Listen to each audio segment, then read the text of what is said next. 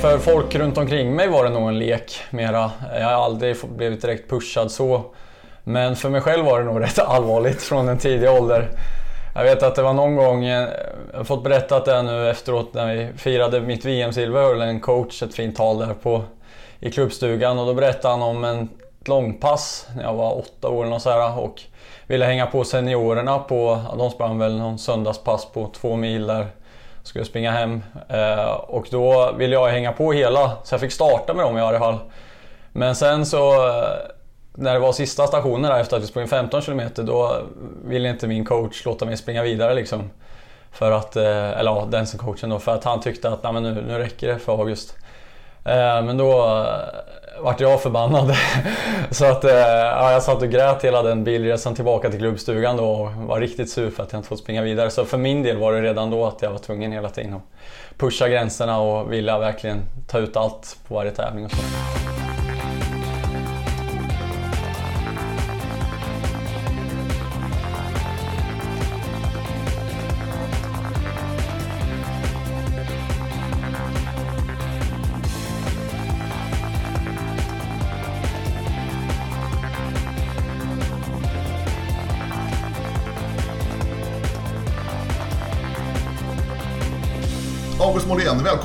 Ja, tack så mycket. Kul det här är O-ringen-podden. Ja, spännande. Ja. Precis, jag har följt, eh, många, ja, följt, följt eh, podden under ett tag. Så det, ja, det är spännande, kul att få med. Ja, kul att komma hem till dig och er här, familjen Molén, i Kimsta. Yes. Jag, jag sa ju Kimsta först. Ja, just det. Jag fick rätta lite. Nej, men det, det är precis. Här är jag född och uppvuxen så att eh, Kimsta är stället. Mm. Berätta för de som eh, eventuellt inte vet, var ligger Kimsta i världen? Kimsta är i princip, ja, man kan säga att det, är strax utanför Norrköping, mer åt, ja, strax mellan Norrköping och Linköping, närmare Norrköping då. Eh, och det är en liten ort som dessutom angränsar till tre andra små socknar som det kallas för, nämligen Skärblacka och Norsholm. Och de här tre sockengränserna möts i sjön Densen som eh, Densen, orienteringsklubben jag springer för har fått namnet från som alltså är i Skärblacka. Mm. Yes. Ett bra ställe att växa upp på. Ja, verkligen. Det är fin, fint litet ställe, lite intimt och man känner alla. Så att det, ja, verkligen bra och nu har vi dessutom fått en konstanläggning här och allt möjligt. Så det, idrottslivet finns också. Mm. Jag passerade skylten där borta till idrottsplatsen. Och Just det. Kronholm, nej vad heter det? Krokhagen. Krokhagen, ja, ja. så var det. ja precis, där, där har man sprungit några Grebyrunder, ett lopp som farsan startade där. Och, som är varje vecka och sen nu finns det ju som sagt en konstanläggning där och det är dessutom där fotbollslaget har sin stabila hemmaarena. Mm. Eh, löpare vet vi, du har varit väldigt duktig. Var det mycket olika idrotter när du har växt upp här eller var du inriktad på skidor, orientering, löpning? Har det varit så? Eh, ja, eh, kan jag, säga. jag är ju sladdbarn faktiskt. Jag har två ganska mycket äldre syskon. Min syster Märta och min bror Albert. Och när jag kom till i världen så var de fullt uppe i både orientering och löpning. Eh, men så det vart nog rätt framstakad väg direkt att det var de två som gällde lite mer. Men jag har spelat lite fotboll någon gång och framförallt är det också längdskidåkningen som jag faktiskt har tävlat i liksom, när jag var yngre också. Trots att man växte upp här i Kimsta, för det är inte snö varje vinter här. Ja, nej, det var nog lite det som var anledningen till att det totalt lades på, lades på isen efter ett tag. För att det, det, det fanns inga snö, det var inga snövintrar när jag var typ 13-14 och det var de åldrarna där man, där jag la av med det helt enkelt. Mm. Annars löpningen verkar ju ha varit som ni har fått alla barnen. Vad är det för gener? Ja, en bra fråga. Eh, för att, ja, som sagt, pappa har ju alltid orienterat då. Men eh, den bakgrunden har inte mamma. Men eh, pappa brukar jämt poängtera att han var inte den löpstarke, så han är lite fundersam själv. Men jag har en farbror som var väldigt löpstark när han var yngre. Eh, men eh, då vill pappa hellre ge credden till att det är mamma vi fått det ifrån. Så att det är väl den storyn vi fått höra istället då. Liksom. Ja, just det.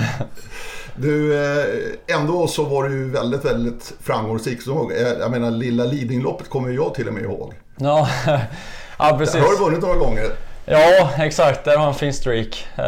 Så det, ja, jag tror det blev en åtta segrar eller något. Så det är verkligen något som, ja, jag menar när man vann första åren där så blev det att man fattade att man var rätt bra. Lilla Lidingöloppet är väl i princip den största löptävlingen när man är yngre. Så det var bara att ta det därifrån och försöka hålla uppe den då och det blev som motivation. Liksom.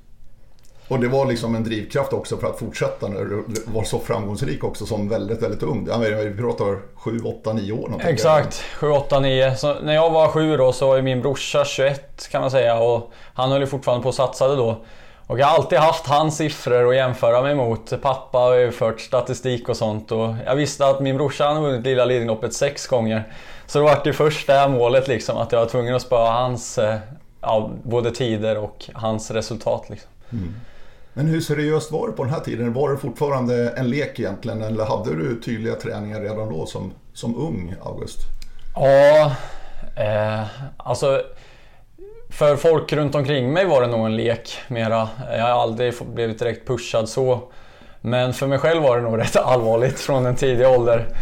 Jag vet att det var någon gång, eh, jag har fått berättat det nu efteråt när vi firade mitt VM-silver, höll en coach ett fint tal där på, i klubbstugan och då berättade han om en långpass när jag var åtta år och, så här, och ville hänga på seniorerna på, de sprang väl någon söndagspass på två mil där skulle springa hem. Eh, och då ville jag hänga på hela, så jag fick starta med dem i alla fall. Men sen så eh, när det var sista stationen där efter att vi sprungit 15 km då ville inte min coach låta mig springa vidare liksom. För att, eh, eller ja, den som coachen då, för att han tyckte att Nej, men nu, nu räcker det för August. Men då vart jag förbannad. så att ja, jag satt och grät hela den bilresan tillbaka till klubbstugan då och var riktigt sur för att jag inte fått springa vidare. Så för min del var det redan då att jag var tvungen hela tiden att pusha gränserna och ville verkligen ta ut allt på varje tävling och så. Så, det. så för min del har det verkligen varit seriöst från början liksom, även om det ja, verkligen har varit en lek utöver. Mm. Men det har varit roligt hela tiden? Ja, verkligen. Alltså jag har aldrig funderat på att lägga av med idrott. Det är på något sätt som att det verkligen finns där i ryggmärgen och kommer göra för alltid. Mm. Framförallt med orienteringen och löpningen är det ju så att jag känner verkligen att eh, jag kan inte tänka mig ja, ett liv utan det låter lite väl klyschigt men det, det är typ sant. Alltså. Mm. Har eh, orienteringen och löpningen ända sedan den här åldern gått hand i hand för dig? Ja, eh, man har väl fått frågor många gånger om att går det att kombinera så verkligen Eh, och eh, alltså i ungdomsår och juniorår så är det ju ingen snack om att det funkar bra. Sen är det väl klart nu kanske att man i viss mån fått ge vika. Jag tror att det blev lite när jag i och för sig valde, valde att gå orienteringsgymnasium i Eksjö. Jag tror faktiskt diskussionen redan då med min tränare nu, som var min tränare då också, Peter Holgersson, om vad innebörden av att gå på orienteringsgymnasium skulle bli. Och det var kanske då att man får ge vika lite för friidrottssatsningen till förmån för orienteringen. Och jag tog väl det beslutet redan då lite smått. Eh, och det ligger ju kvar nu. Jag springer ju... I somras till exempel blev det en enda tävling på friidrottsbanan. Det var ju SM. Eh, och istället så blev det allt fokus mot sprinten. Ja, och skogen också. Mm. Så då, då, har det blivit orienteringen som mer trumfar friidrotten, mm. absolut. Mm. Vi kommer komma tillbaka till det här, men har du haft några förebilder? Jag tänker ju ur min generation då, Anders Gärderud är ett väldigt bra exempel tycker jag. Som också trots OS-guldet då, eller tack vare OS-guldet 76 i Montreal på 3000 meter hinder. Året efter var med och sprang SM-stafetten och vann med sitt Mälarhöjden i orientering. Han försökte verkligen, även under sin aktiva karriär som friidrottare, mm. att hålla igång orienteringen också. Vad, vad är fördelen skulle du säga att ändå hålla igång det här?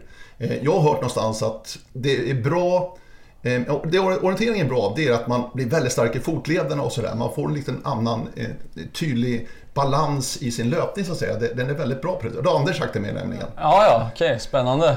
Ja, jag kan tänka mig att det finns sådana fördelar också. Även om det mer konkret för min del kanske mest varit ett underlättande att eh, mentalt kanske att om det går tyngre i en annan sport så har man haft fördelen av att ta den andra och luta sig tillbaka mot för att oftast har det gått bra i något av dem. Liksom. Eh, men det finns säkert fördelar med att man lättare kan bygga upp ja, men liksom styrka i skog. Just nu så springer jag väldigt mycket lugna pass i skog. Även fast jag kanske satsade på sprint i våras så var väldigt många passen i skogen då. Så att det finns mycket säkert sådana fördelar också. Mm. Du, eh, Eksjö nämnde du. Mm. Hur var dina tre eller fyra år? Hur länge gick du i Eksjö? Jag gick tre år mm. där. Eh, så som sagt, det var verkligen inget givet beslut för min del från början. Jag var i princip inställd på att jag skulle inte gå orienteringsgymnasium utan stanna hemma.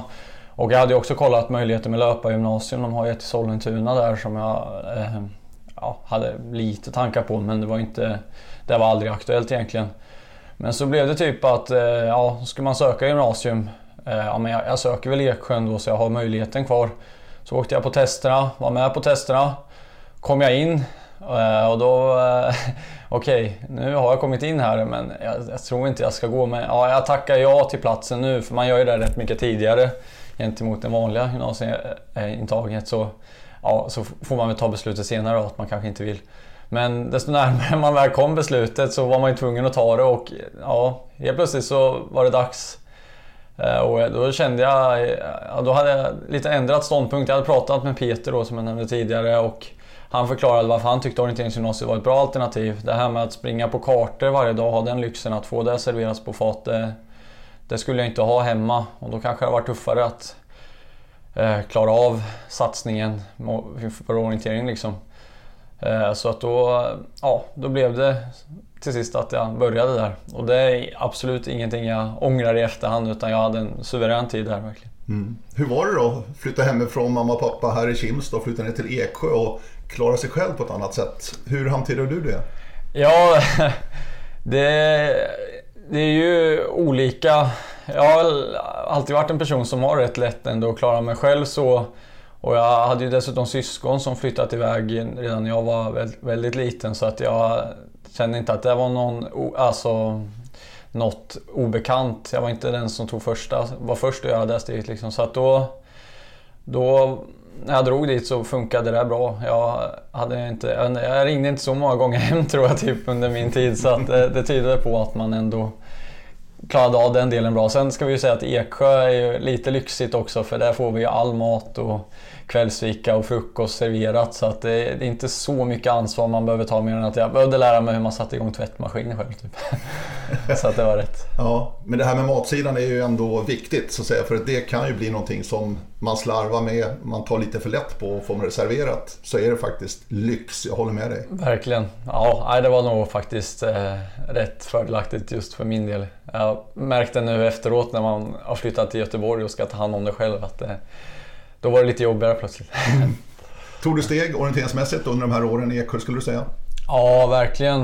Eh, jag tror man kan märka det framförallt på mina skogsresultat där. Det var väl det som var det jag tränade mer än vad jag skulle förhållandevis annars.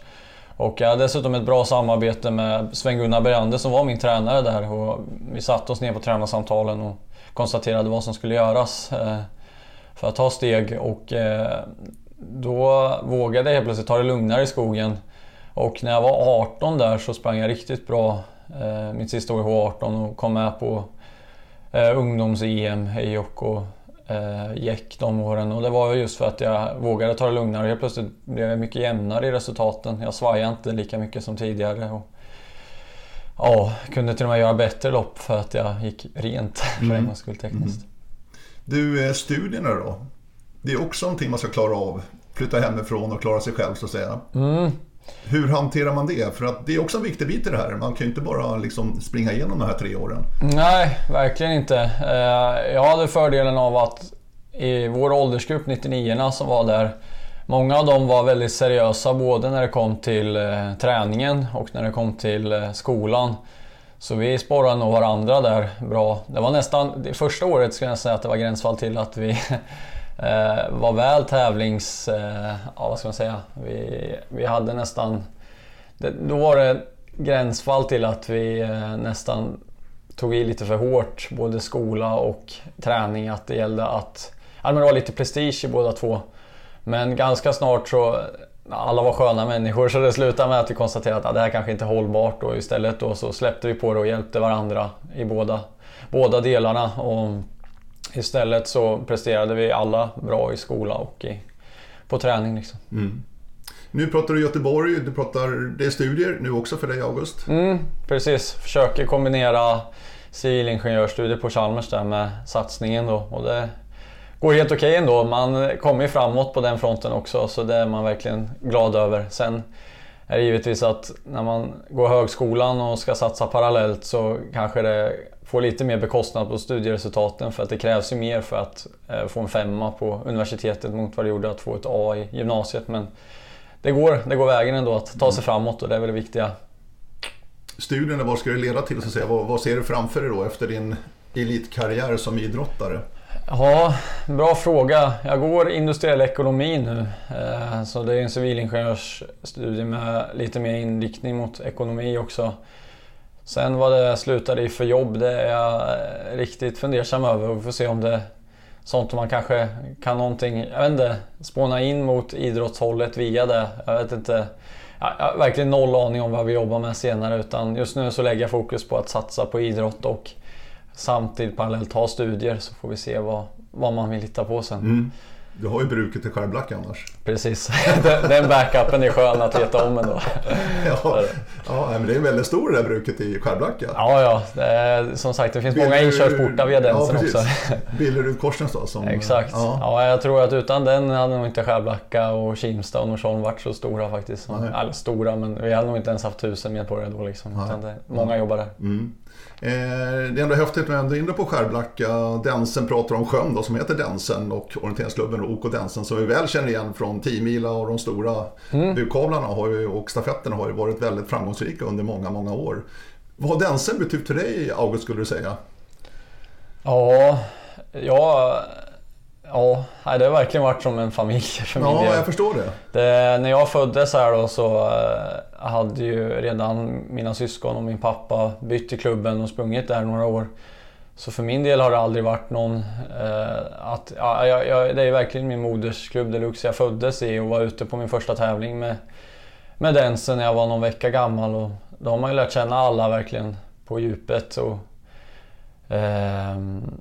och dessutom att jag har så nära anknytning med att jag är uppväxt så nära klubbstuga och vår liksom karta är ju här på andra sidan strömmen om vi blickar ut här mm. genom fönstret. Så mm. det är verkligen att, eh, ja, nej, det, det betyder mycket för mig att springa för dem. Och det har varit roligt med att det varit en klubb som ändå varit konkurrenskraftig på det här sättet. Att kunna se upp till att de varit så himla grymma de löparna som sprungit för klubben också. Mm. Strömmen alltså Motala ström som ja, rinner förbi här precis utanför här i Kimstad alltså. Du, eh, Densen är ju en sån där klubb som, eh, ja, runt en 20 plats på 10 mila liksom. Ja. Och det är inte dåligt. Det är inte dåligt. Eh, det är fantastiskt inte. bra alltså hur, de, hur ni har levererat genom åren. Ja, precis. Vi hade en storhetstid där 2000, du kanske bättre koll, 11, 12 mm, kanske? 11 tror jag. Ja, 11 ja. Då kanske är vi pikar där 7, 6, 5 några år. Mm. Eh, sen har vi haft några lite tyngre år, eh, gått ner på 30 men nu är vi uppe på 20 igen. Och eh, pratat en del med, eller vi, vi, vi har ju 10 mila Jukkola som stora mål inom klubben men senaste åren så börjar vi se att chansen finns igen att nå de där resultaten vi var på för 10 år sedan.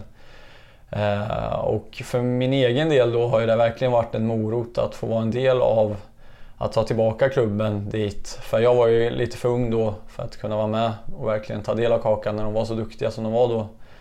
Så att, eh, ja nej, vi, inför 2023 nu så det är väl inte någon hemlighet liksom att vi verkligen har tagit siktet mot en topp 10 placering på främst 10 milar då. Eh, och det tror jag absolut inte är omöjligt om vi får dit fulla manskapet som, som potentiellt skulle kunna ställa sig på startlinjen. Mm. För att eh, många av oss jag har ju mig som är lite yngre, vi har Mattia Perin, vi har Timo Sutter, Algirdas. Alla vi fyra har ju tidigare, alltså vi blir ju bara bättre och bättre för varje år. Och dessutom så har vi flera andra löpare som är starka, franska juniorer och dessutom svenska löpare som är stabila. Än, så att vi ser verkligen fram emot att få, ja, att få lyckas hoppas vi då, året mm. som kommer. Mm. För det fascinerande tycker jag här i Östergötland då, lilla Skärblacka. Mm. Norrköping har ju inte haft någonting på jättelänge. Nej. Vad det gäller en bra elitklubb säga i orientering. Nej, precis. Eh, och Linköping med Lok mm. har absolut eh, varit uppe där men ni är ju bäst i, i distriktet. Ja, men på här sidan har det väl faktiskt varit så, i alla fall i 10 sammanhang och eh, Jukkola så. Nu har ju Kolmården börjat få en hel del starka mm. löpare också. De har ju tyvärr slagit oss på SM-stafetten nu med de senaste åren så det, det, är lite hårt. Men eh, det är verkligen så att det väl varit vi som varit de starkaste. Så, eh, det beror väl på att våra ledare har varit duktiga på att eh, ja, dels uppmuntra de killarna som kanske inte har individuella satsningar på samma sätt att verkligen fokusera på 10 mil och Jukkola och fortsätta träna inför de grejerna. Och sen så har vi också haft förmånen om att vi har ju haft en del franska och utländska, andra utländska löpare också som varit, varit och sprungit för klubben i de sammanhangen som verkligen bidragit till att vi har kunnat vara med och slåss så högt mm. upp. Den, den bakgrunden August, har du koll på den? De här, den här franska connection i dansen så att säga. Var började det någonstans? Vet du det? Ja, eh, nu kommer jag inte säga rätt namn helt och hållet. Men jag tror det började någonstans med de här Vincent Copa. Kan han heta det? Vincent Copa, precis. Ja, kan det Halden. Halden. Det kan, mm. kan, vara fel gubbe, jag vet inte.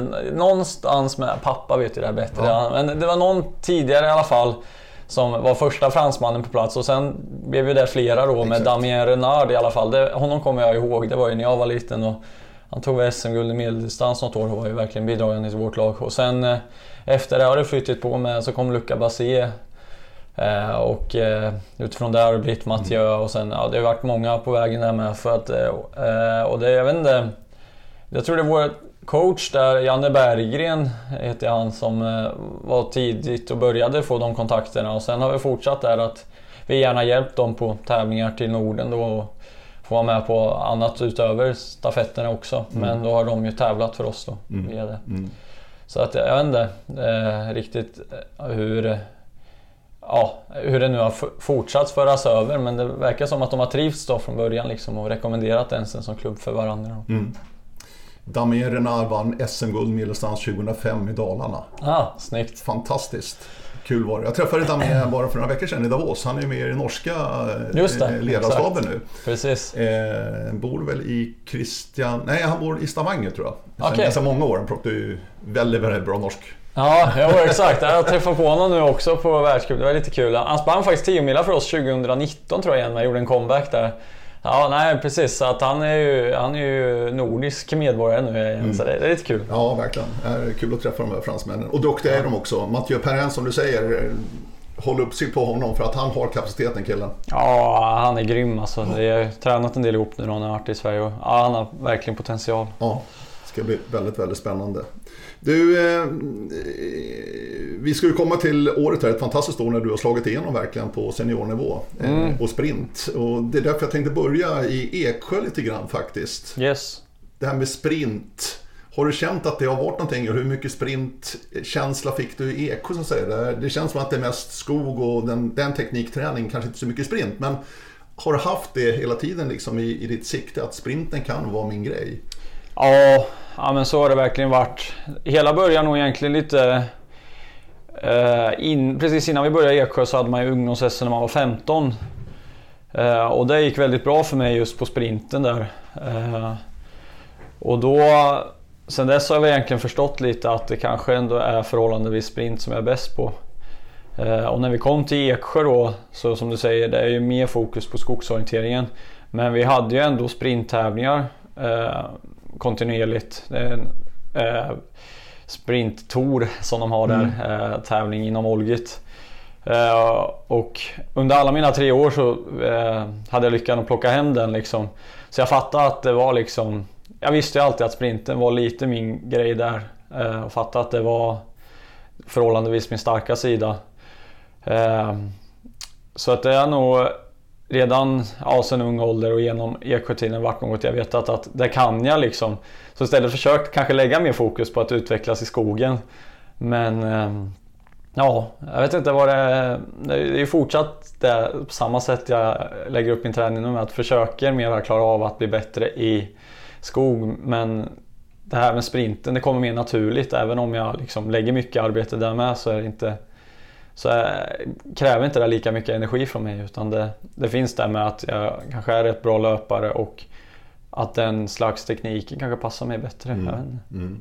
Men är det inte ett dilemma också August att just sprint är svårt att hitta den här kvalitativa träningen? Alltså mm. ute i klubbarna så är det att det finns träningsbanor ute i skogen men mm. just den här sprintsidan då blir det mest att när du är på läger med landslaget Exakt. och så kanske då får man den här specifika sprintträningen. Ja. Annars är det ganska svårt att fixa den. Nej, det, det sa du verkligen någonting som stämmer. Alltså det, det är ju i förhållande till de kvalitativa sprintar som man springer när man är iväg på stora tävlingar eller på de här lägren då, när det verkligen är eftertänkt vad man, vad man gör.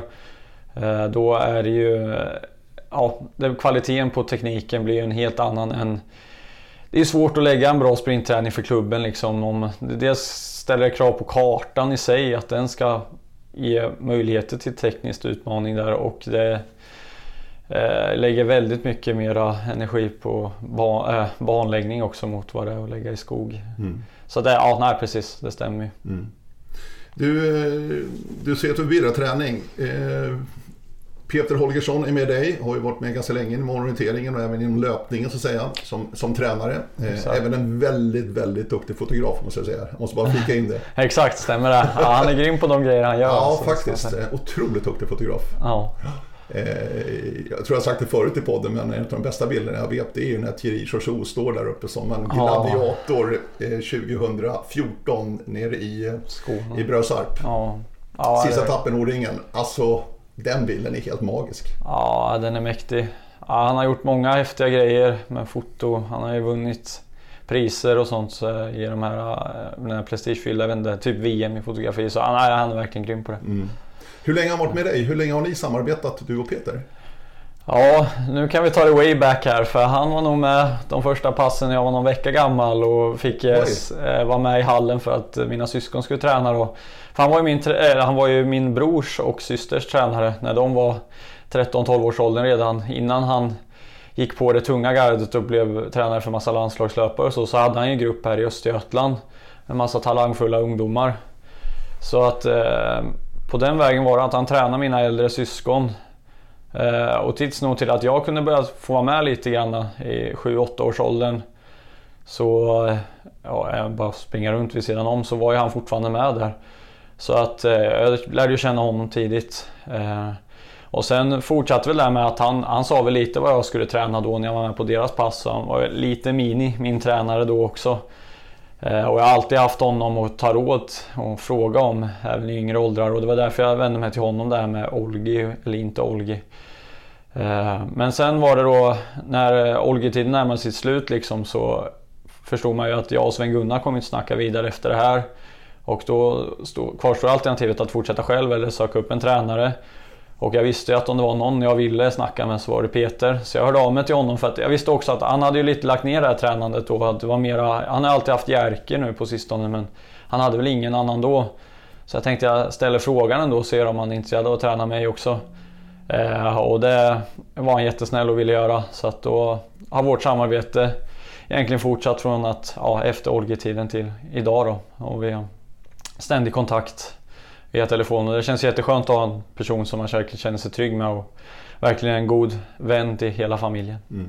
Hur, hur uttrycker sig det här samarbetet? Hur, hur, liksom, hur jobbar ni? Ja, ja, men det är lite kul. Jag har verkligen extremt stor tilltro till Peter. Eh, och vi snackar som sagt nästan varenda dag. Och jag har ju fått lära mig nu verkligen hur hans filosofi är och jag tror väldigt mycket på vad han säger och så. Men det har varit gånger då jag liksom men, till, till, exempel, vi kan ta det här dubbeltröskel är ju klassiska med att Ingebrigtsen har börjat köra det och det är väldigt många orienterare som har adapterat det. Så jag har tagit diskussioner med Peter, men du är inte det här intressant? Eh, och det var inte så intressant då eh, och det har varit några andra sådana grejer. Så det är rätt kul att eh, ja, men ibland kan jag vara verkligen säga, ja, men det här, det här måste jag snacka med Peter om. Och bara, nej det är inte bra. Eh, Okej, okay. och så ska då ska jag testa att argumentera mot honom då. Ja, du kan testa Peter på fotografi, viner och träning eh, och försöka vinna en argumentation så ska du se att du är körd på några minuter liksom. Så att, eh, ja, det slutar oftast med att nej, jag, förstår vad du menar och jag håller ju med dig när du säger som du säger. Liksom. Mm. Så att, eh, ja, nej, det har varit lite så. Det är det som är roligt med honom. Att jag kan ju verkligen, jag kan säga vad, jag, vad som helst liksom och jag vet att han, han kommer acceptera att jag säger det. Men jag måste ju också förklara mig liksom och förklarar jag inte tillräckligt bra då är det bara Ja, då gör vi, gör vi inte sådär då. Då har han övertalat mig varför det inte är det bästa. Liksom. Så det, ja, det är roligt. Ja. Det är väldigt bra på det sättet.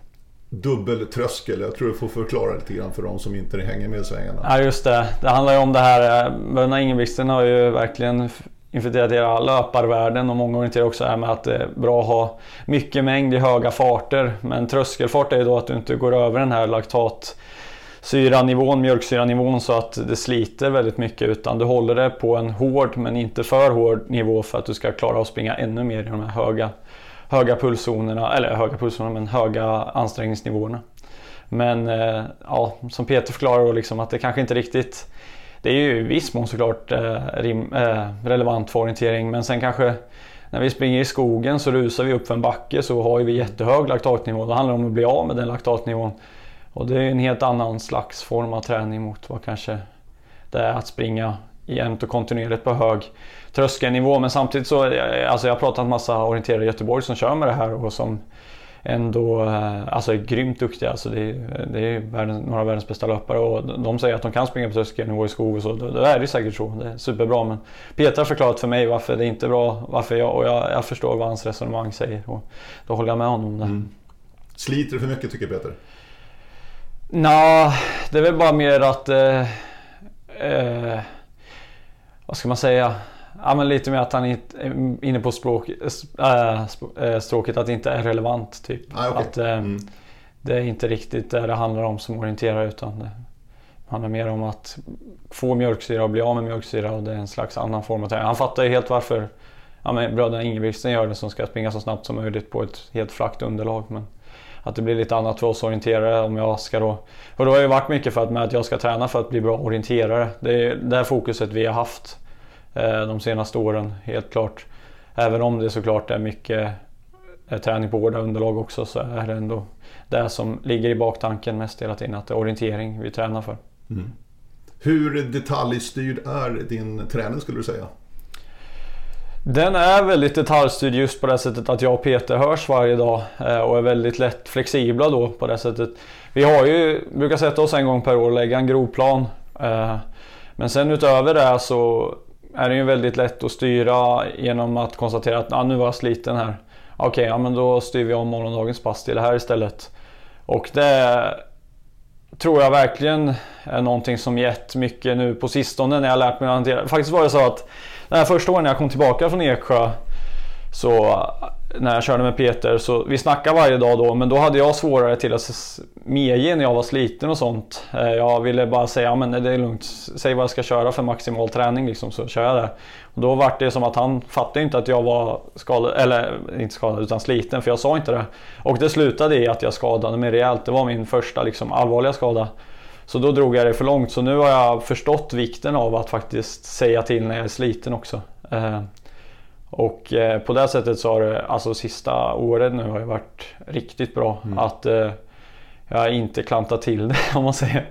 Och det är verkligen guld i att få kontinuitet i träning. Alltså det, det är mycket. Det kan inte sägas nog många gånger. Man mm. måste lyssna på kroppen. Ja, verkligen. Och det har du lärt dig säger du? Ja, precis. Ja. Och det är ännu bättre då att man har någon som eh, kan ta beslutet då med att eh, säga till mig att ja, men spring inte det här passet idag då. För att det är bara dumt. Annars är det lätt att man har uppskrivet på ett papper att man känner sig vek för att man bangar. Liksom. Men eh, så där verkligen Peter tillfört så extremt mycket att jag behöver nog den där personen att bekräfta att eh, ja, men det här är inte det smartaste att göra. För annars kommer jag bara vilja göra det som är bäst, eller vad, vad som ja, kanske skulle vara bäst om man skrev på ett papper innan. Eh, men det är inte säkert man klarar av det. Liksom. Mm. Hur är det annars då, eh, August? Tränar du oftast ensam eller tränar du tillsammans med andra? Hur, hur, hur, hur fungerar det för dig? Ja, jag har verkligen förmånen i Göteborg där med att vi är ett grymt stort och eh, gött gäng som säger Men alltså, vi är väldigt många kompisar som bor väldigt nära varandra. Så att, eh, jag, jag, tränar ganska mycket själv kanske i förhållande till de flesta. Jag, jag är inte så mycket med på klubbträningar med IFK Göteborg och GMOK och de här som många andra är.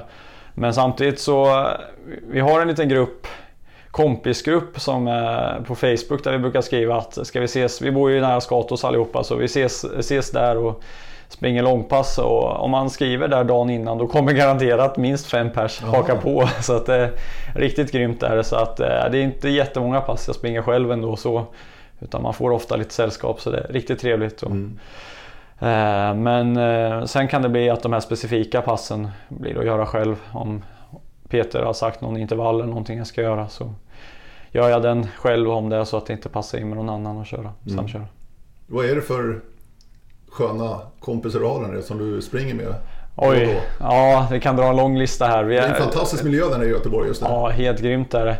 Ja men det är ju, ja men säg alla de här löparna för IFK är ju typ där. Eh, Sen har vi ja, Henrik Johannesson och Simon Imark, är två stycken som jag har tränat väldigt mycket med på sistone. Vi springer båda, eller alla tre ganska mycket mängd så det är trevligt att styra upp en mötestid och köra ihop istället för att man sticker iväg en och en.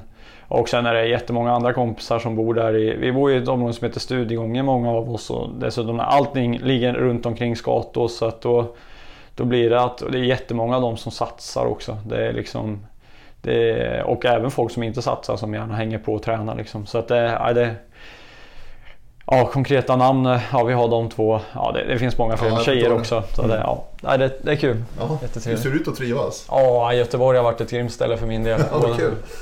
Ja, det är samma sak med... Jag tränar en hel del med... Eller det jag gör kanske som är lite skillnad från några, det är att jag kör med friidrottare där också. Eh, jag har haft en kille från Alexander Nilsson som varit väldigt snäll och bjudit in mig och fått träna med Mölndals AIK. Han är tränare för en grupp där. Eh, och det har varit väldigt värdefullt för min del också de sista åren att få, få, få rulla några intervallpass med dem också. Mm. Det kommer lite friidrottssnack också. Eh, mm. Väldigt trevligt att sitta här i Kimstad med August Molén. Ja. Supertrevligt. Nu ska vi ta oss in i 2022. Ja. För det blev ett fantastiskt år för dig som jag sa. Men ingången till det här året, vad hade du för målsättning? För att jag menar, vi vet ju att du vann ett VM-silver på sommaren där i Danmark. Men när du gick in i det här året, August, mm. det var ju inte självklart att du ens skulle ta plats till VM. Utan vad hade du för tankar liksom? Hur gick du in i säsongen? Och nej, herregud. Det var verkligen inte givet. Jag är tveksam på att så många hade trott på allt som hände. Eh, om man hade sagt det innan det, nog bara kanske jag, Peter och ja, några till människor runt omkring mig som faktiskt trott på det. Och det jag själv har ändå ganska bra, tycker jag, vad ska jag säga, självförtroende i att jag kan lyckas. Eh, eh, och det var nog till min fördel det här året då. Och när jag kom in, jag slutade 2021 förra året ganska bra. Jag blev sexa på sprint-SM där, det absolut sista som hände. Och det var ju väldigt tur där för då eh, tror jag portarna öppnade in sig till att jag fick en del, eh, plats i utvecklingslandslaget. Vilket verkligen var grymt eh, givande. Eh, vi hade många bra lägen nu under våren inför det här som var inriktade just för sprint eftersom att det var ett sprintår. Eh, och vad jag satte som mål för mig själv att vilja verkligen uppnå det var att få springa Boråsvärldscupen då. Till, till att börja med. Och när vi var iväg på de här lägren så fick man ju helt klart, man fick ju avstämningar hela tiden på hur man egentligen ligger till mot de andra. Sen visst under träningsperioden är man ju sjukt olika i hur vissa är nedtränade som bara den, vissa kommer ändå är i bra form trots att de kanske är nedtränade men att det passar. Och eh, man ska inte dra så mycket slutsatser från sådana grejer kanske men ändå fick jag någon slags bekräftelse på att jo, jag ligger ändå rätt bra till. Eh, och det var ju verkligen förtroendeingivande för fortsättningen och självförtroendestärkande. Så då var det bara att rulla på där fram emot de första tävlingarna. Då. Det var väl... Eh, ja, det gick också ganska bra i skog till att börja med under våren. Så att det var kul när Swedish League drog igång nere i Skåne där var det väl. Ja, exakt. Ja, gränserna, Ryssberget. Precis. precis. Ja. Eh, så gick det ändå hyfsat bra på den långdistansen där. Eh, och sen var det dags då att börja helt fokusera mot sprint. Så direkt därifrån så tog vi bilen ner mot Danmark. För att åka iväg på ytterligare ett läger. Vi hade redan varit där en gång också. Eh, och ja, allting bara flöt på där. Och kändes bra. Eh, så att det var klart också att det blev lite mer förväntningar då från en själv på SM som närmade sig då Göteborg. För den var ju nyckeln, det var ju SM-helgen för dig August. För att ta en plats i mm. världscupen tänker jag. 100% så. Eh, det, det, var ju egentligen bara en uttagningstävling inför eh, världscupen om man inte hade tidigare internationella resultat, vilket jag inte haft. Så jag visste ju att det var jag, vet inte, jag märkte att jag intervjuar som sagt kniven mot strupen många gånger men det summerar den här säsongen rätt bra att man ofta Ja, jag har lyckats prestera när det gällt liksom och det är ju det som är viktigt ibland. Eh, och då var det då först SM då som inleddes med kval och knockout där. Eh, och ja, det gick väldigt bra i kvalet och det gick bra kvart och semi och jag hade väldigt bra självförtroende.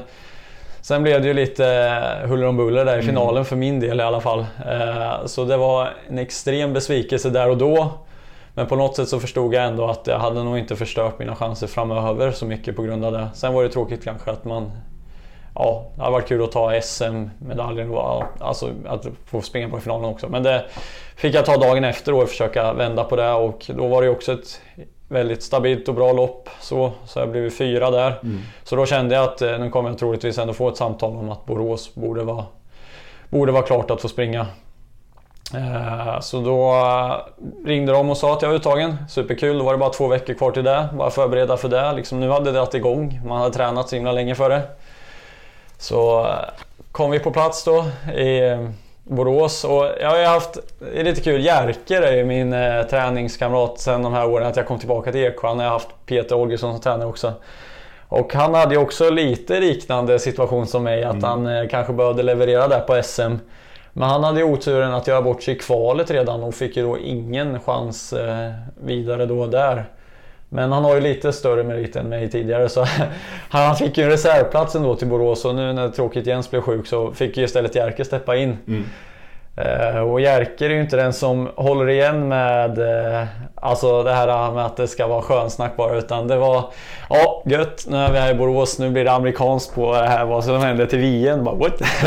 Han var verkligen så här ställt ja nu gäller det, det är ingen som kommer bry sig om vad som hänt tidigare utan Nej. det är det här som är det var kanske lite för att det var det som gällde för honom också men så här, det, det var väl viss sanning i det liksom att vi är ju så himla många bra i svenska truppen så som sagt det gäller ju att prestera på det som är närmast det stora mästerskapet och prestera bra där om man inte har väldiga framgångar sedan tidigare.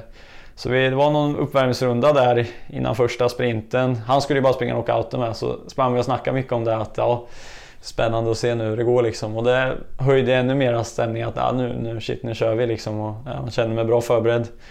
Så var det individuella loppet först. Eh, jag gjorde väl kanske inget superlopp men det var helt okej okay, stabilt liksom. Så att eh, ja, jo, nej, men det var bra. Det var bra.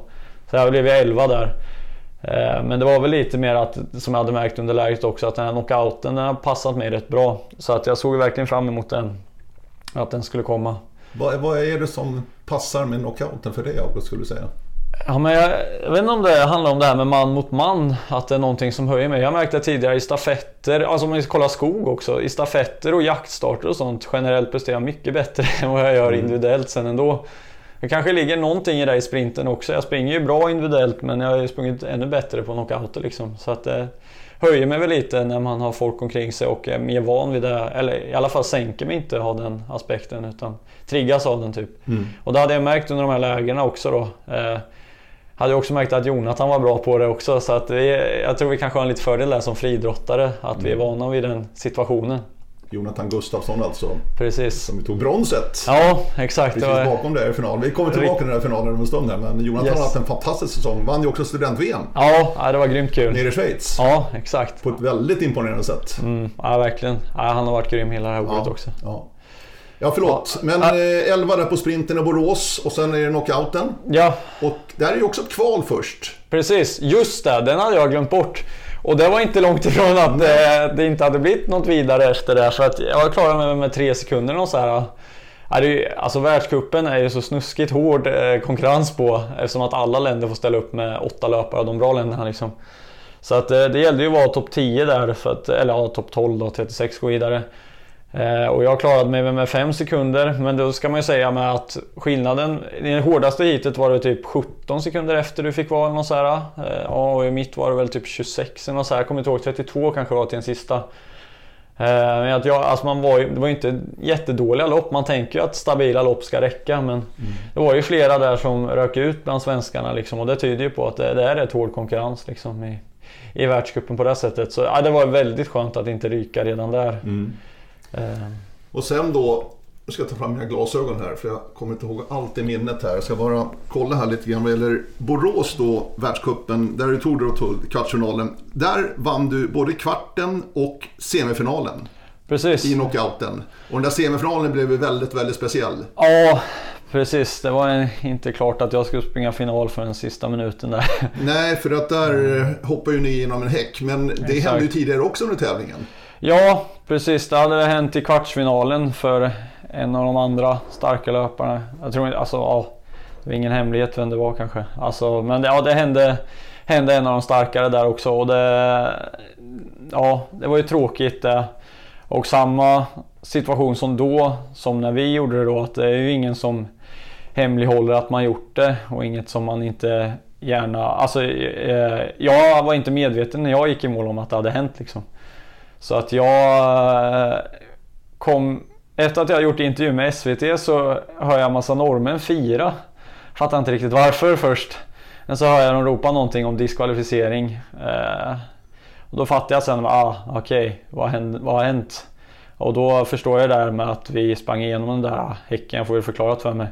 Och att det inte är säkert att vi kommer få springa final. Men vi skulle i alla fall röra oss direkt vidare mot karantänsområdet som står och väntar där. Och då vart jag riktigt frustrerad på mig själv att eh, skulle klanta till det på en sån liten grej. Eh, och jag var fortfarande inte helt medveten om hur, hur det sett ut allting. Men jag tänkte väl att på något sätt vad man får göra i de här situationerna tycker jag väl, det är väl att man, man får acceptera vad ödet blir. Det finns en jury som är specialister på de här reglerna som är där för att eh, ja, ta bedömningen om hur man ska göra, gå tillväga. Och jag hade verkligen tagit en diskning där utan problem om det hade varit så att de bedömt det. Men nu bedömde de väl att det var tillräckligt otydligt i förhållande till Ja, jag vet inte. I efterhand har jag konstaterat att det var inte så kanske avgörande ändå för tävlingens skull att Nej, det skulle inte jag väl påstå. Alltså på kartan är det tydligt, men häcken i sig, Exakt. där är ju ett jättehål liksom. Ja. Så jag förstår ju att ni springer igenom där. Ja, exakt. Eh, Gustav i spetsen tror jag faktiskt. Ja, precis. alla efter honom bara. Ja, precis. När det rundar det här huset. Precis, det var ju så det var. Andra läste kanske in avslutningen, jag själv gjorde det i alla fall. Och det var lite, ja det var tråkigt sett lite grann. För att sen, ja då blev det ju den här eh, osäkerheten i karantän och ingen visste hur det skulle bli. Men det slutade med i alla fall att jag fick springa finalen då. Och där är det, sju stycken final för Kasper Fosse då som är utanför avancemang. Exakt. Han får ju en plats då efter massa diskussioner och dribbel där innan den här finalen kommer igång. Ja, ja exakt. Ja, som sagt, det var ju skönt kanske att vi blev lite utslutna från det utan bara fick stå och vänta i karantän då. Men man, ja, det var, det var lite nervbrytande minuter. Men det var skönt att konstatera att man fick en chans ändå. Absolut. Och sen är det då sju stycken i finalen. Och, eh, vad känner du August? Det är Ralph Street, det är Mika Kirmona, det är Martin Regborn, det är du själv.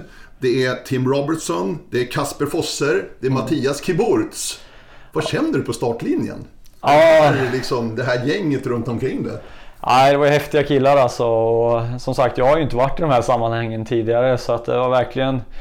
Men det är också en fördel för min del att nervositet i de där tillfällena slår inte mig utan snarare bara triggas av att shit, jag är här, jag är här, nu kör vi liksom. Och det har verkligen varit en styrka på det sättet att jag bara gillar de här sammanhangen där det kanske vissa andra skulle tycka att det var jobbigt. Jag vet inte, mm. eller det kanske de flesta skulle tycka var kul i och för sig att vara i en världscupfinal. Och jag var extremt triggad i alla fall så det var bara att nu tar vi det härifrån. Så jag var, var kanske lite väl överladdad med det som hände både i, mellan semi och final och eh, situationen i sig liksom. Så att Ja, det har varit lite kul nu i efterhand. Man kan konstatera att varje lopp händer någonting med mig.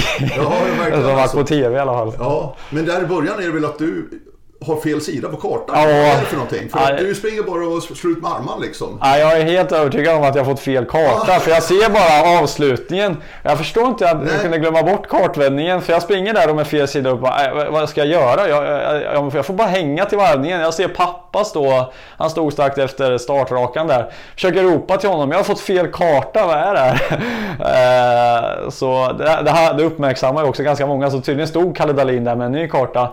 Men i alla fall när jag konstaterade, okej, okay, den borde vara rakt för det är final. Jag, eh, för jag hade konstaterat med, från eh, Bulletin och så att det borde vara rakt i finalen. Så jag tänker, ja men jag hänger och nu läser in hela avslutningen här då. Sen eh, på något sätt så får jag som en slags eh, vision på vägen till tvåan. Alltså jag har hängt i ettan så bara, vänta här nu. Det var ju en kart. Vän, och så vänder jag på kartan. Oh. Okej, okay, där har vi hela banan. Ja, exakt. Jag visste inte om det förrän eh, ja, vi hade tagit ettan då. Liksom. Men det, ja, det blev ju inte så dramatiskt. Så från därifrån kunde man ändå ta loppet, eh, ta loppet i hamn på ett stabilare sätt. Men det var lite överdramatik som var lite onödig kanske. Mm. Men... Du kommer ju, du kom ju lite, inte på efterkälken, men du är ändå liksom sist ut ja. förbi startpunkten alldeles tydligt. Exakt. Eh, annars då, strategi, taktik och sånt här. Hur tänker du kring det där när det kommer de här som du är inne på också, som du gillar de här man mot man duellerna. Ja exakt, vi har diskuterat det här mycket inom landslaget hur man ska utnyttja sina egna styrkor för det är det knockout handlar om lite grann. Och för min del har det lite mera varit tanken av att så här, alltså jag vet att jag skulle kunna göra grejer själv. Typ i Borås där i semifinalen så hade vi olika runners choice och jag gick ju spets i min egen liksom. Och var ju först ut därigenom tillsammans med Gustav. Och samma var, jag har alltid haft det självförtroendet att jag skulle kunna göra det. Men jag vet också att om jag tar mig till slutet, att jag inte kantar till det innan slutet så ser det bra ut. Så lite där har jag spelat ganska mycket på nu i år. Att eh, verkligen bara vara med till slutet. Eh, och inte göra bort sig. Eh, så det var det som varit i tankarna hela tiden både på VM och i Borås då. Att inte göra bort mig. Eh, och det var... Ja, i Borås så gör jag faktiskt bort mig strax innan varvningen. Vi är några som tar ett väldigt mycket längre vägval och jag hamnar ju sist av de som tar det här vägvalet. Så jag ligger ju ja, sist av alla i klungan innan varvningen och det är lite kanske får slösa lite mycket kraft i efterhand på en sån grej för att kunna vara med. Kiburs var väldigt starkt men kunna fightas ännu mer om en ännu bättre placering. Men fortfarande så räckte ju det till att ta sig upp på pallen vilket ju var extremt stort för mig där och då. Det var ju tusen gånger större än något jag gjort tidigare. Mm. Mattias Kiburz som också tog VM-guldet sen i Danmark. Han är med. Mm. Tim Robertson blev två där i Borås ska vi säga också. Exakt. Men Mattias Kiburz. Mm. Eh, han är ju briljant. Han är ju väldigt bra i skogen också, det vet ni alla. Men han har ju den här, eh, som väldigt få har, skulle jag vilja säga, den här i hög fart mm. så har han en kick. Han har den här overdriven liksom någonstans. Mm. Den har väl du känt på också? Ja, han verkligen. kan trycka till liksom när alla ligger liksom på max. Ja. Så har han någonting där Mattias. Ja verkligen. Han, han måste vara...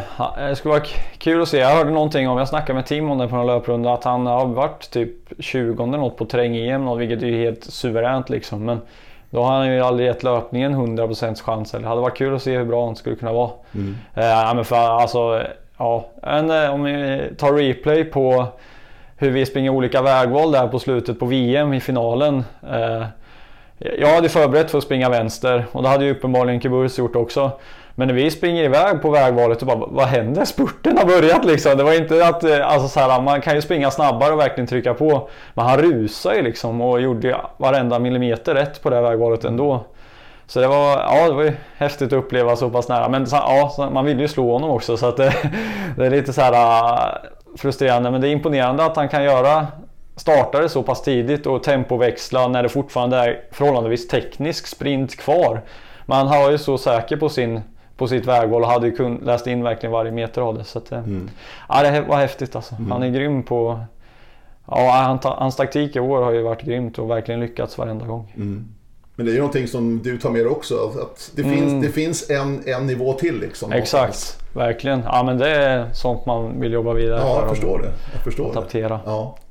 Så en eh, fenomenalt fin pallplats där då i världscupen i Borås. Mm. Det var stort kan jag tänka mig. Ja, verkligen. Framförallt då med det här som man hade haft Jerkers ord i bakgrunden. Att eh, det gäller att prestera nu om du ska få springa VM liksom. Ja. Eh, och så nu kände jag väl ändå rätt stor tilltro till att de skulle kanske ringa och säga att en plats var klar till, till VM.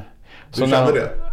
Ja, efter tredjeplatsen tror jag det ändå. Eftersom mm. jag var bästa svensk. Visst, alla svenskar sprang ju väldigt bra. Det var kul, vi satt i kvartsfinalen där och när, ja, satt i karantän, eller, i karantän till semin. Konstaterade att ja, den svensken gick vidare, den svensken. Alla svenskar gick vidare från kvartsfinal, även damer och herrar. Liksom. Ja. Så det är, alla är så grymma liksom. Så att man, det är ju visst inget säkert men det är svårt att peta den svensk som varit bäst innan till VM. Liksom. Mm. Men det ska man komma ihåg att konkurrenssituationen inom svensk ja, orientering i stort, ja, ja. men på sprintsidan är ju enorm. Jo, nej, men så är det. Det finns säkert medaljörer som får, inte får springa. Ja, men så är det ja, så är det. Ja. Så, att, eh, ja, nej, så det var väldigt skönt när de bekräftade det sen och ringde senare på kvällen till och med. Mm. Vad innebär det då för dig eh, August när du får ett besked? Okej, okay, VM den veckan, de dagarna eller träning, upplägg och sådär för att hitta en peak, alltså en formtopp verkligen till det här. För det måste man börja jobba med då, kan jag tänka mig. Verkligen. Vi hade ju inte så himla lång tid heller. Jag och Nej. Peter hade ju lagt upp det för Borås och SM helgerna först. Då hade det varit SM två veckor till Borås och sen var det väl liksom inte... Ja, jag kommer inte ihåg hur lång tid det var. Men det var inte jättelång tid till VM Nej, sen. En då. knapp månad skulle jag säga. En knapp månad, ja, precis. Och då skulle jag ha en pre-camp inlagd och så. Och det, det är ju ganska många det är svårt att hålla formen över SM till VM. Så att eh, det är klart att vi fick eh, pussla och greja lite med det här. Men eh, det lyckades vi verkligen bra med. För att ja, den formen jag var på med VM, den var, den var det är absolut det bästa jag varit i. Vad har du för recept för att hitta toppform? Vad, hur jobbar du för att liksom pika? Ja, men det är väl att jag har specifika pass som är konstaterat att jag är ganska bra på att klara av mycket träning utan att det sliter. Så jag kan träna på ganska mycket inför VM till exempel mängdmässigt. Men jag kör kanske inte de här intervallpassen som är allra hårdast och sliter mest utan ser istället bara till att underhålla den muskulaturen som används när man springer snabbt utan att slita på den. Mm. Så det var väl mest sånt som fick ligga i tankarna då under den månaden. Liksom, att mm. jobba på det sättet. Mm. Och här var det ju väldigt fokus mot knockouten i och med att det var sprintstafetten först. Mm. Och där fick du inte en plats i laget. Precis. Eh, och sen var det knockouten då på tisdagen där i Fredericia. Precis, ja. Nej exakt, jag visste ju, jag var reserv till individuella också men eh, det var ju ganska skönt då att knockouten kom ju först av de två. Exakt. Så då kunde jag verkligen, alltså så här, jag hade ju haft tid att förbereda mig till sprinten och gjorde ju det efter knockouten. Men först och främst kunde jag lägga all energi på knockouten. Eh, så jag hade verkligen, då hade jag Peter som jag diskuterade träning med och sen hade dessutom Jonas Leandersson var med och hjälpte oss mycket inför det här. Mm. Så vi hade något möte där veckorna innan eh, där vi skulle snacka igenom hur vi skulle gå tillväga på pre-camp och allt möjligt för att eh, verkligen se till att utnyttja de här eh, strategierna bäst möjligt. Eh, så ja, svårt att ha fokus på så mycket annat i livet då när man visste att det där VM-loppet väntade. Men det, ja, jag stortrivdes med det samtidigt att det var verkligen time of my life på pre-camp och sen iväg på VM åkte vi någon vecka innan också. Mm. När du står på start på morgonen när det gäller kval, det är ju kval först. Exakt. Ett ganska nervöst kval. Är du väldigt nervös inför de här kvalen eller kände du dig väldigt trygg? Ja, men inför det här kvalet, världscupkvalet som tur var hade jag kanske inte fattat hur hårt det var så då var jag inte så nervös av den anledningen. Sen fattade jag efterhand, shit, det var nära att man rök. Så bara, okej okay, inför VM då, hur, hur, ser det ut här? Frågar man någon rutinerade. Nej men VM är inte samma sak. Det, där, där, ska det vara, där ska du gå vidare om du gör det stabilt. Okej, toppen. Eh, gött. Men då går man ut och gör ett stabilt lopp. Så jag startade loppet där och var inte så nervös. Eh, gick väl inte dåligt men det kändes inte som att jag fick någon superflow. bara, vad håller jag på med? Men det, var okej, det borde räcka om jag bara tar i mål där. Och så tog jag väl i mål där. Men sen var det ju hårt. Det var ju inte alls som... Eh, det blev ju jättetufft. Tim Robertson var en sekund från att ryka i kvalet. Och det var ju flera grymma som rök. Eh, Joey Hardon och sånt. Så man blev ju bara, vad, är det här? Okej, okay, men skönt, vi visste inte om det och nu är vi vidare. Då är allt nollställt ändå så det spelar ingen roll. Så det var ju, ja, det var ju skönt det. Så det var ju aldrig någon nervositet som egentligen slog en. Nej. På det sättet. Och sen var jag väldigt nöjd med hur det blev på Runners Choicen där. När, när du tog upp oss där och mm. vi fick välja hit. Och alltså allting gick enligt min plan där med att eh, jag ville gå igenom slutet för att jag vet att jag har bra återhämtning och det är ändå så pass lång tid för herrarna som startar först. Så det var inget problem alls. Okej, okay, inga väljer sista hitet, då kör vi på det. För semin blir det ändå hårt. Så vad berättade alltså efter kvalet då så var det ett, ett, man fick välja hit helt enkelt. Exakt. Inne i en liten skolsal typ. Precis. Eh, Tog du fram så, oss efter ja, ordning? Ja exakt. Det börjar med är det sjätte va? Den som är sexa i kvalet. Exakt, precis. Får börja och sen upp till ettan och sen är det sju och uppåt helt enkelt. Precis. Ja. Det, ju, det blir ju lite roligt sådär. Vi hade ju snackat mycket om strategier ja. för det med. Så Reggan där, han hade ju tänkt så här, men jag lägger mig i slutet men inte allra sist. Får lite mer återhämtning men femman borde vara lätt. Men så slog det till att bli den absolut ja. hårdaste kvartsfinalen istället. Extremt. Och han kunde inte göra något åt det liksom. Så det, ja. Nej. det var otur för honom liksom. Ja det var det, verkligen. Men vad hade du för tankar när du gick fram då och valde ditt hit? Ja, men jag hade ganska tidigt sagt att eh, om inte folk väljer det sista så kommer jag att ta det. Och det gjorde inte så mycket folk heller. Eh, så då, ja men perfekt, då går jag och plockar den. Sen blev det ganska snabbt fullt av oss halvbra löpare liksom. Men det var ändå att då kände jag att ja, men de där löparna ska ha en finish liksom. Så då var det bara att spela vidare på den taktiken. Med att vara med till slutet. Precis. Eh, och kvartsfinalen sen där du sprang mot bland annat Eirik Langedal mm. Breivik, Ricardo Skallet. Italienarna har med det här ritet också. Eh, och kvartsfinalen startade inte på den stora VM-arenan utan på ett annat torg någon liten bit därifrån. Däremot målgången var på den stora arenan. Ja, så att det var lite lugnare så att säga vid starten. Precis. Det var en väldigt rolig kvartsfinal. Eh, till skillnad från de andra loppen när man hade team i racet som bara drog på från start och gjorde inget fel. så var vi i det här racet kändes som att alla var lite mer förberedda på att, så här, ja, men, att vara lugna typ. Att det inte skulle ske så mycket. Så det var ju ett intressant vägvalssträcka till fyran eller någonting. Om det är femman, fyran eller trean. I alla fall så... Bort från vallgravarna. Ja precis, mm. exakt. Mm. Så kommer vi där till kontrollen innan, stämplar och så springer vi ut helt fel. Eh, eh, mot, man kommer inte ut där, men då vänder alla tillbaka och springer ut rätt. Sen när kameran inte är med oss längre, vid en tidpunkt så ska man välja höger eller vänster då. då alltså vi står typ still och tittar på varandra för att ingen vill göra bort sig, för det är bara det man kan göra. Så då har jag ganska känns som, ja, men, jag är helt säker på att vänster är bäst. Så då gör jag liksom på fake ett ryck. Liksom, så jag bara sticker iväg och springer jättefort och då hänger alla med mig. Liksom. Så då var alla med mig då, förutom en kille körde höger, men han var ju rätt långt efter sen då efter det. Så det var rätt skönt då att känna, okej okay, nu har du också lite command över det här. Men det var kul också den här känslan att inga, det var verkligen räv och rackarspel, det var inte det här med att bara mata på. Så... Jag tänker annars August i de här heaten, hur, hur pass aktiv är du eller hur pass mycket bevakar du? För att det är det det handlar om lite grann. Jo, exakt. Att antingen ta, som du säger, ett eget initiativ mm. eller ligga och bevaka och passa på kanske om det blir någon, någon liten miss från någon framför liksom. Precis. Ja, det gäller ju verkligen att göra den här riskavvägningen när det är värt och inte värt liksom. Hade jag Ja men säg semifinalen då där jag skulle gå eget mot Tim mot att eventuellt känna att jag skulle slå honom på spurten. Då kanske det inte är värt att gå det här egna för då är det rätt stor sannolikhet att han skulle gå vara före mig då. Och då är det kört istället mot att ja, men, spurten troligtvis klarar jag av. Och då är det bättre att gå med där istället. Så det var lite det att i kvartsfinalen hade jag ganska bra självförtroende att det borde jag klara av det oavsett. Mm. För det var ändå tre som gick vidare därifrån ja, också. Och det handlar ju bara då om vara topp tre eller topp två i semin. Mm. Inte, egentligen spelar det ingen roll om man vinner eller inte. Men så det var hela tiden de tankarna man fick avväga på. I kvartsfinalen så hade jag ganska stort självförtroende och då var jag den som tog där det avgörande vägvalet först och sen, på, till, sen var det ett avgörande vägval till näst sista där det blev stor kamp i Reggans hit och så. Eh, och där tog jag, var jag den som tog command på vårt vägval och det gick bra liksom. Så där, där kände jag verkligen självförtroende till att ligga i spets också. Mm. För annars handlar det väldigt mycket om det här eh, knockouten, i sig sprint också individuellt, men framförallt i knockouten. Det gäller bara att bestämma sig och mm. tro på det och inte liksom fundera på någonting annat utan du bara köra då. Nej precis, det är verkligen viktigt att inte få hjärnspöken och att fokusera på fel grejer. Och vad fel liksom, det går inte att tänka någon, få de tankarna. Nej exakt. Nej, det, jag undrar om man någon gång varit så som när man sprungit knockout nu på världscup, SM, allting. Alltså man är så extremt inne i det och tänker på allt. Eh, och det sker automatiskt liksom. Mm. Det blev eh, eh, semifinalen då. Mm. Som ju startade väldigt spektakulärt också för din del. Ja, ja precis. Nerför rampen nästa... där och så stöp ju du. Ja, ah, shit. Det var...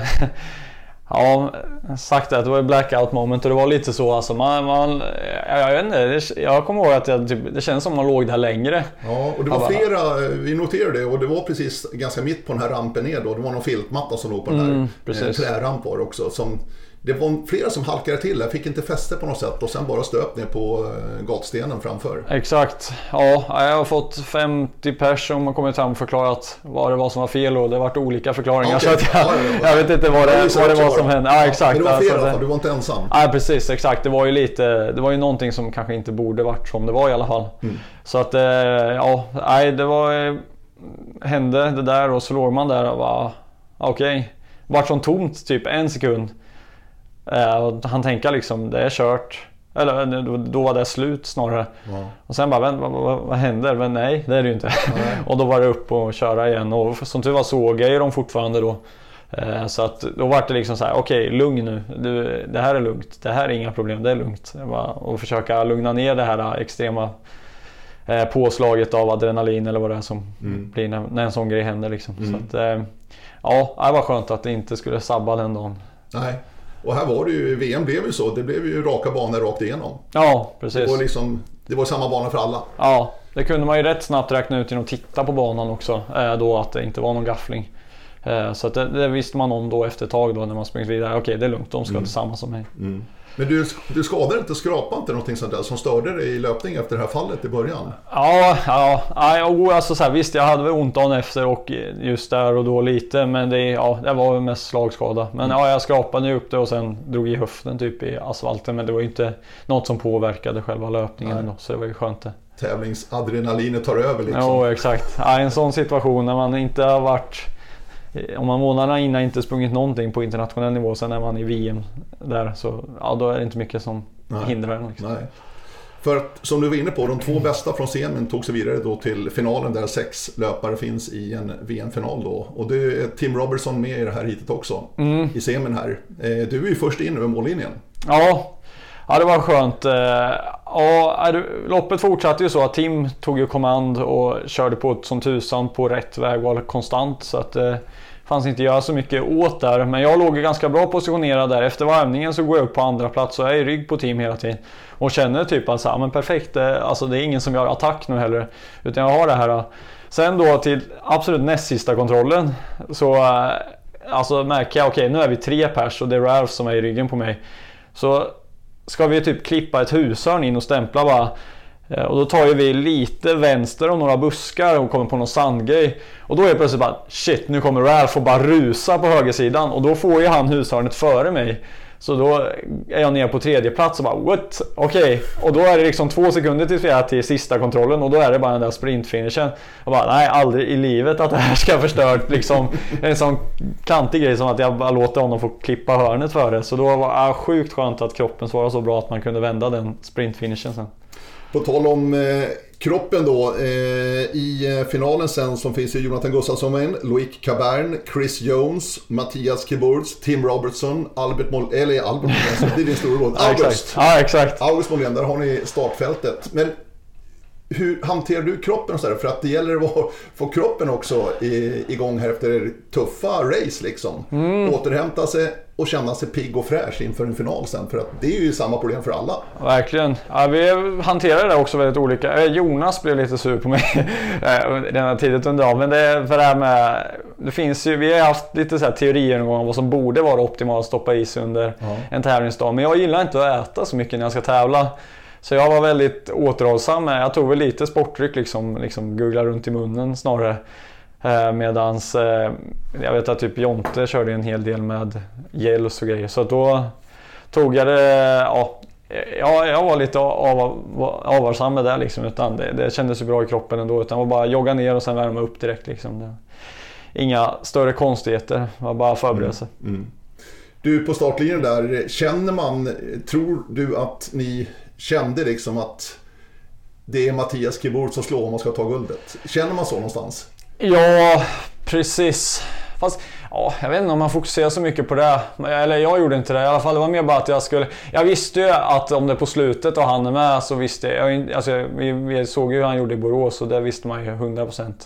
Men sen var det ändå att man, man ville göra... Jag visste ju att Tim hade gått iväg och att han varit grymt bra på vägen dit. Eh, och jag visste ja, att de andra hade varit väldigt starka i slutet också. Liksom. Så det, på något sätt så blir det ju bara att fokusera på sin egen grej och ligga långt fram till att det ska börja avgöras. Liksom. Och eh, ja, det med att knockout stor del inte handlar om att göra bort sig. Det ser man ju. Chris Jones gjorde ju bort sig i början. Exakt. Eh, och han snackade med honom efteråt. "Ah, I made a five second mistake and then it's what I was screwed. Ja. alltså det sammanfattar rätt bra hur det var. Han, Det han pallade inte komma ikapp alltså. Ja, exakt. Så att eh, ja, nej. Det var bara att fokusera på det snarare då. Att gör nu inget dumt utan gör bara allt bra så är vi med sen när det, händer, när det sker. Liksom. Men, eh, och Mattias såg du hela tiden eller? Ja, jag och Tim går ju eget på något ställe och då kunde man konstatera att vi var ju först in till den kontrollen. Då kom, låg jag tvåa efter det. Eh, Men sen egentligen fokuserade inte jag så mycket som honom utan och tydligen hade de tagit annat vägval där innan varvningen men de kom in med oss. Och sen är vi väl bara hela tiden, jag, man, jag märkte aldrig att någon stack på eget och det gjorde ju ingen heller förrän det var dags då för sista och då hade ju helt plötsligt Kapern släppt också. Eh, och då hade jag kollat vänster, Kiburz hade kollat vänster och Jonathan och Tim hade bara kollat höger. Så jag tror det är rätt viktigt där då att alla vi har ju redan sett ut ett vägval som vi troligtvis vill ta. Och spontant då blir de två som går på det högra, då blir det inte så mycket fundersamma för dem om de ska göra något annat. Och samma sätt som för oss, så, ja, vi är två som går på vänster. Det hade varit skillnad om man var tvungen att göra det ensam kanske. Då kanske alla hade bangat på något sätt. Men jag vet inte, inte Kiburz då i och för sig. Nej. Men eh, ja, nej, eh, då vart det verkligen så här, okej nu, går, nu kör Mattias, nu måste jag ligga med. Eh, Så då var det bara att rusa in. När, när började du liksom inse att jag är på väg mot medalj? VM-medalj? Ja, när vi kommer in där till kontrollen då. Eh, jag fokuserar ju allt på att jag ville ju slå Kiburz. Jag visste ju att han skulle troligtvis, ja, ändå var en av de hårdaste om vi var där i slutet. Eh, och då var det, men jag kände det att ah, han glider lite längre ifrån, längre ifrån. Skit också, det kommer inte gå idag troligtvis. Eh, men då så bara, ja just det, jag är tvåa också ja. Eh, och så stämplar vi den kontrollen och då ser vi, okej okay, där kommer Jonte och Tim och då var det ju lugnt egentligen i förhållande till dem att det var för kort kvar. Mm. Så då var det bara, okej okay, rusa allt nu får vi se om Kiburts, ja, han kan ju ramla eller vad som helst liksom. Så då ja, var det bara att trycka på, det blev en silver. Och det var jag väldigt nöjd med för dagen för det varit tufft att få, få till det bättre. Ja, vad är det för känslor liksom efter en sån tuff dag också ändå sluta uppe på pallen på ett VM? Ja, det var helt galet. På sättet som allting spelades ut med. Det var roligt här kvällen innan så och vi var liksom på hotellet där i Fredricia så åkte ju vi som skulle springa knockouten och då var det så här, alla hade fått eget rum förutom Ajonte och August, ni känner varandra bra, är debutanter så ni får dela. det var lite roligt så här, och så stod vi och borstade tänderna och skojade med varandra. Så här, det här har vi ju, kom igen då, nu tar vi medaljerna liksom. Och, eh, ja, en dubbel liksom, skoja om det. Eh, och så blev allting så liksom sagolikt bra. Eh, med tanke och att det ändå hände grejer som att man ramlade i semin. Det var alltså, helt obegripligt att ta in och sen det var ju liksom suverän atmosfär där inne på torget. Det var ju helt proppat med folk mot vad det kunde vara. Och det var helt strålande väder och det var, alltså det var ju verkligen sagolikt. Mm. Så det var häftigt. Blir det ännu starkare också när du har Jonathan med på pallen också för att ja, fira ja, det här? Verkligen, alltså verkligen. Han är supersnäll person. Så jag, alltså, alla i svenska laget är riktigt snälla och fina personer. Så det är, liksom, det är klart. Men sen Jonte och jag ändå känner ju varandra ytterligare lite mer som vi är lika gamla och tävlat mot varandra så extremt länge. Så det var ja, verkligen fint. Mm. Du, eh, väldigt kul. Klockan bara rullar på här. Ja, alltså trevligt att prata med dig August. Ja, måste säga. Eh, men jag tänker framtiden nu lite grann. Det är ju sprintfokus varannat år nu i orienteringsvärlden. Mm. Det kommer till VM. Det är ett EM nästa år i sprint nere i Italien i oktober. Mm, exakt. Hur tänker du din orienteringssatsning? Är det väldigt mycket tydligt fokus mot att det är sprint som är min grej att lyckas internationellt? Eller Finns det någon tanke om skogen också från din sida? Jo, ja men det, såklart det vet jag. är medveten om att sprint är konkurrenskraftig nu och det har inte riktigt varit i skogen. Men eh, samtidigt så, eh, ja, så sprint kommer jag ju satsa på mot de här mästerskapen. Verkligen lägga ner all energi för att prestera bra på. Men jag kommer också ge, lägga lika mycket energi på att bli bra i skogen. För att jag har ju bevisat alltså, i vissa terrängtyper att jag verkligen kan vara med och utmana även de bästa i det redan nu men jag vill utveckla det och vara, vara en av generellt, man blir ju så inspirerad. Man ser ju hur Gustav och Kasper och Martin och det är ju hur många som helst som ändå bemästrar båda mm. fortfarande. Trots att vi kanske går mer och mer mot specialiserade världar för att det är ändå lite olika grejer. Så är det ju ändå så att det går ju, det bevisar ju de. Och det skulle jag gärna eh, adaptera och lyckas med också. Eh, så att jag kommer lägga ner energi för att försöka prestera bra i skog också. Spännande tycker jag. Väldigt kul att höra. Eh, du har ju också en friidrotts, jag vet inte om du ska kalla det satsning, ja. men du utövar lite friidrott. Du sprang i SM som du sa, här Exakt. hemma i Norrköping. Springer för Chalve där ju. Tog dig final på 1500 meter. Mm, det var fint. Var väldigt kul. Men hur mycket friidrott, är, är, det, är det fokusorienterat så att säga, rent elitmässigt? Eller det, fortsätta på banan också? Alltså jag kommer springa tävlingar på bana och verkligen, alltså nu är jag är verkligen sugen på att sänka mina personbästa och sånt. Det är det som är skönt med löpning, att man kan bara mäta tid också. Mm. Eh, och där är jag rätt övertygad om att jag har ganska mycket att klämma ur. Sen får vi se hur det går i förhållande till, det är ju riktigt tuff konkurrens inom friidrott och det är riktigt tufft att komma med till mästerskap där och så. Men man får bara jobba på där och jag kommer ju att träna bana är ett jättebra komplement för sprintorientering. Alltså det är mm. naturligt och jag kommer träna mycket på bana och löpning generellt så då vill man ju testa sig på den, den, den planen också. Mm. Så att det, det, är tanken att parallellt inte satsa på friidrott som är att jag ger allt för att springa så bra som möjligt på 1500 meter eller så men jag kommer ändå verkligen att eh, ha med det i, i min, i min eh, elitkarriär. Liksom. Mm. För det är, det är viktigt att komma ihåg, alltså ska du lyckas i sprint så måste du vara en extremt stark löpare. Mm, ja men så är det faktiskt nu. Det, det går ju inte annars. Nej. För att det går så otroligt fort. Jo, alla är grymma löpare som tar VM-medaljer. Så är det faktiskt. Mm. Och nu i helgen, vi sitter här en härlig fredag här i Kimstad, så är det ju Swedish League-finaler. Men du får springa terräng-SM, det är också kul tycker jag. Ja, precis. Jag kör en liten fuling och vangar medel på lördagen där på Swedish League-finalen och kör jaktstarten bara. Och passar på att springa 4 km på terräng-SM. Det, det, är nog nästan det lopp jag skulle titulera som coolast i Sverige. Det är riktigt mäktigt med 4 km på terräng-SM just att alla medel och långdistanslöpare mm. möts på samma ställe. Och dessutom, om det inte krockar med Swedish League så brukar många orientera vara med också. Och folk från ja, sporter som är lite relaterat till löpning. Så det blir verkligen roligt att få testa på den. Jag har ju varit junior fram tills i år och aldrig därför sprungit fyran. Men i år blir det av så det blir mm. riktigt kul. Mm.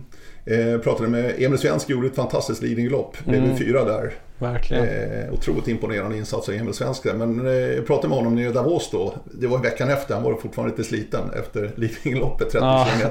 Men ändå, det var han inne på och det är intressant med dig också August. Att orienterarna borde nog springa lite mer sånt här för att det, det ger en hårdhet. Eh, sa Emil till mig så att säga. Och det förstår jag verkligen. Alltså att mm. verkligen pressa sig. Då är en karta i handen utan här är det liksom bara att tömma sig i princip. Alltså. Mm. Att orienterarna borde våga lite mer och ställa upp på typ terräng-SM, typ Lidingloppet, kanske mm. terränglopp i stort. Verkligen. Jag tror det kan vara jättenyttigt. Ja. Precis som Emil beskriver här. Mm.